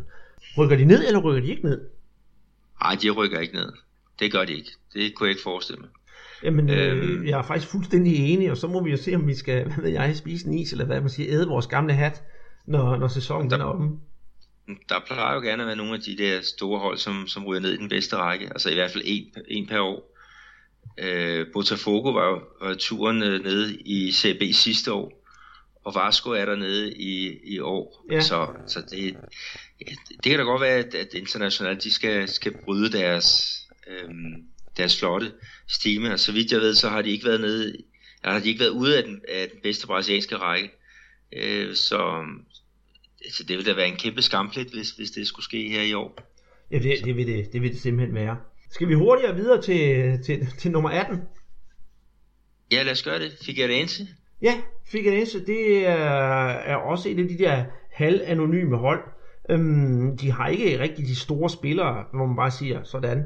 Øh, måske har fået Motor op i toppen, og så har jeg jo tidligere nævnt Elvis, men det er måske mere, det er måske mere på grund af navnet. Ja, de spiller i hvert fald ikke så godt i, i, i øjeblikket. Altså, de var gode på, på hjemmebane, men røg så ind i et, et nederlag. Altså, men det var hjemmebane, der var deres... Det, de hentede øh, pointene, og så, så udebane, det var noget, noget værre noget. Men, øh, men øh, de, jeg tror også, de ryger ud. Øh, det kan ikke være anderledes. Altså, de har godt nok to point op til Curitiba på, på den der 16. plads. Øh, så, så på den måde kan det ske mere. Jeg tror bare ikke, de har kvaliteterne. Ej, det, det... Men øh, stad, stadigvæk, de skal jo spille om det, og de hold, der ligger nede i bunden, nummer 19 og 20, de, det ser jo endnu værre ud for dem. Jamen det, det synes jeg også, det gør. Altså Santa Cruz, en oprykker, som startede rigtig godt, de ligger jo næsten til nedrykning. ja, det gør de jo faktisk, men de ser næsten ud til, at de ikke kan reddes. Jeg husker, at de første 3-4-5 kampe, de spillede jo fantastisk, og de havde jo Graffiti, som er oppe på, han er stadigvæk oppe på 8 mål altså virkelig højt op på ja. topscorelisten. De har fuldstændig mistet momentum. Undskyld Michael Clausen, jeg er fra Brazilian Football College. Jeg er ked af at sige det. De, vi havde ikke spået dem mange chancer, men at det skulle være så nedadgående en kurve, det havde jeg altså ikke regnet med. Nej, det havde jeg så godt nok heller ikke. Men, men jeg stadigvæk, jeg havde forventet, at de var, var rykket ud, ikke? Og det samme med, med Figueirense. Øh, og, og, hvad hedder det, det bundproppen America Mineiro, ikke? Der ligger helt nede med, med 13 point, og de har været ja, 13 point op til, til ringen. Det, det er ikke, de, de er dømt ude, ikke? og Santa Cruz de har 7 point derop. Så der skal et lille mirakel til, i hvert fald for, for Santa Cruz, ikke? Og, og for America Mineiro der, det, det kræver jo, det er faktisk et dobbelt mirakel, de skal ud i. Ja, det, det er det. Og, og, og nu har vi jo, kan man sige, slået de to hold her, bundproppen, sammen til sidst. Så skal vi sige, at vi næsten har fået rundet hele ligaen? Ja, lad, lad os gøre det. Hvis vi så her slutlig skal kigge lidt fremad, øh, hvilke kampe forventer du så at, at blive en lækker bisken, kan man sige, her i den kommende uge? Ja, hvad, her i, i øh, min by Belo Horizonte, der er der i hvert fald et derby mellem America Mineiro og, og Cruzeiro, og det er jo så to hold, der America, de ligger jo som, som aller sidste, ikke? og så Cruzeiro, som har, har underpræsteret i år. Altså, det, øh, måske ikke den mest sexy kamp, men med lokale briller, så er den jo interessant nok. Og så er der jo International mod, mod Santos. Altså International har jo heller ikke klaret det så godt, og Santos skal jo også på, på fod igen det efter, efter blamagen mod Figueirense. Og så er der jo så to Davis, øhm, et i Rio og, og et i São Paulo. Det ved jeg ikke, om, om du vil komme ind på dem. Altså, ja, hvad hedder det? Palmeiras São Paulo, det er et, et, det er et derby af det store, og det er lige ved, at jeg tror, at det er en, der kunne slå tilskuerrekorden i brasiliansk fodbold den her, den her kommende runde. Så den kunne jeg i hvert fald godt tænke mig at se, det, men, men det kommer desværre på et tidspunkt, hvor jeg nok ligger og sover. Um, ja, det er jo midtuge kampe, der bliver spillet her onsdag og torsdag. Ja, ja, det er det nemlig. Og så, så er der måske mange af jer, der hører den her podcast, så har kampen allerede spillet. Så kan I se, om, om det har været de gode kampe, som vi har snakket om. Øh, hvilken anden kamp var det, du mente, jeg skulle tænke på med Derby i Rio? Ja, ja det var Botafogo mod Fluminense. Det er det, jo... det, den er jo også meget sjov med, ja, med, med ja, det er jo to traditionsklubber, ikke? Og, ja, selvfølgelig. Og, og vigtige point, point for dem. Altså Botafogo, de skal jo bare opad i tabellen, øhm, så langt væk fra nedrykningsstregen som muligt, ikke? Og, og Fluminense, de har faktisk, øh, hvis de vinder der, så kan de godt komme ind og, og, og øjne en, en top 4 placering. Ja. Selvom det måske er, er lidt utopisk at, at tro på det. Ja. Så men der har jo været det, der er jo fuld gang i, i, i kampprogrammet, fordi det er jo, det her, det er jo som midtugekampen der, og så er der jo weekenden. Der, ja. der bliver der jo kamp igen. Ja, der har vi jo for eksempel Santos Corinthians. Det, det synes jeg er, er virkelig et, et, et derby. Og så er der det nordbrasilianske derby, Sport Recife mod Santa Cruz. Jeg ved godt, det er, måske, det er jo ikke tophold, der spiller der, men, men det skal jo nok også kunne trække 50.000 tilskuere. Ja, det er i hvert fald, øh, de, de skal i hvert fald øh, have noget hjælp Santa Cruz, hvis de skal, skal, skal op af i tabellen. Øh, jeg tror ikke, der kommer så mange til, til den kamp, skal være, være helt ærlig. Men der er jo en anden kamp, der kommer til at, at trække fuldt hus. Det er jo Grêmio mod Palmeiras. Øh, de skal jo have tre point for at holde, holde fast i, i øh, en, en top 4 ambition, og, og Palmeiras, de ligger jo på, på toppen og, og skal, skal holde afstand til, til udfordrerne. Og så er der lige den sidste kamp, jeg havde kigget på, det var Fluminense mod Atletico øh, Mineiro, som jeg også synes kunne være, være spændende. Ja, det, det tror jeg bestemt ja, også. Der, ja, Live Kulpi, der er træner i Fluminense, han har jo været træner i sidste to år i Atletico Mineiro, øh, og øh, øh, han, han kender i hvert fald om, om nogen den, den klub og det hold øh, rigtig godt. Så det, det, den kan også blive, blive sjov mm-hmm. på mhm. mange områder. Og det er det, det er det nemlig, for det, selvom det Fluminense er ikke er det der store hold PT, så har der altid været meget rivalisering mellem holdene fra Rio og mod dem fra henholdsvis øh, hvad hedder det, Minas Gerais, som du bor i, og fra São Paulo. Fordi Minas og São Paulo, selvom de også i fodbolden er fjender, har de altid stået lidt sammen over for Rio. Så, så der er altid noget specielt ved de kampe. Ja, det, det er rigtigt. Det er helt sikkert. Men det, der er i hvert fald fuld program. Jeg sige, de sidste, sidste 10 dage har der jo kun været spillet en, en spillerunde på grund af, af nogle, nogle landskampspauser, ikke? Men, øh, men nu, nu spiller, øh, spiller de igen, og, og næste podcast, der skal vi igen øh, øh, have to runder øh, igen på kort tid. Øh, så, så, så vi får set en masse dejlig fodbold, og det er jo lækkert nok. Ja, men så skal jeg nok love, at gennemgangen af, af kampe og hold, det ikke bliver lige så, lige, lige så langhåret som i dag. Nej, vi, vi skal prøve at gøre det kort, men det er svært. Ja, topscore-listen. Vi har næsten fået en ny topscorer. Ja, det vil sige, Gabriel Jesus, han ligger jo stadigvæk på, på de her 10 mål, ikke? og nu tænker på, hvor lang tid han har været væk, så er det jo imponerende. Men øh, der er jo to andre, der, der har kommet op på samme målantal som ham. Ja, og det er netop uh, Hobinho og øh, fra Atletico Mineiro og Sasa fra Botafogo. Og det er netop det, vi snakker om Botafogo, at det er jo lidt sjovt med det der hold, men de har alligevel en, der kan score deres mål. Ja, det var i starten var det jo Riba Amar, som, som vi snakkede meget om, ikke? men øh, han kom jo så til tysk fodbold, og Sasa, han kom, ja, han startede jo hele turneringen på, på bænken, men, men har så vist sit, sit værd. Øh, så ja, lad os, lad os se, om han kan holde gang i den. Øh, Botafogo har brug for en målscore. Ja, det på har fjerde, det. På fjerdepladsen, der har vi jo øh, Diego Sosa, som vi snakker om fra Sport Recife. Han har scoret ni mål, øh, og på del femteplads, der har vi Victor Bueno fra, um, fra Santos, øh, og Bruno Rachel fra øh, Chapecoense, og så Graffiti fra Santa Cruz, han har jo han har så også scoret otte mål. De, de ligger så på en del femteplads, men Graffiti han har scoret alle målene inden for, ja, inden for de første, var det fem runder, eller ja. noget den dur. Mm. Han har bare gået, han er gået målkold her ja. på, det, på det seneste. Altså, jeg, jeg synes, øh, nu har vi næsten nævnt nok, men, men som afslutter, der synes jeg lige, vi skal nævne ned på, det vil sige 8. pladsen. Det her, der har vi farlige Fred med, med syv mål. Så skal vi runde den af der?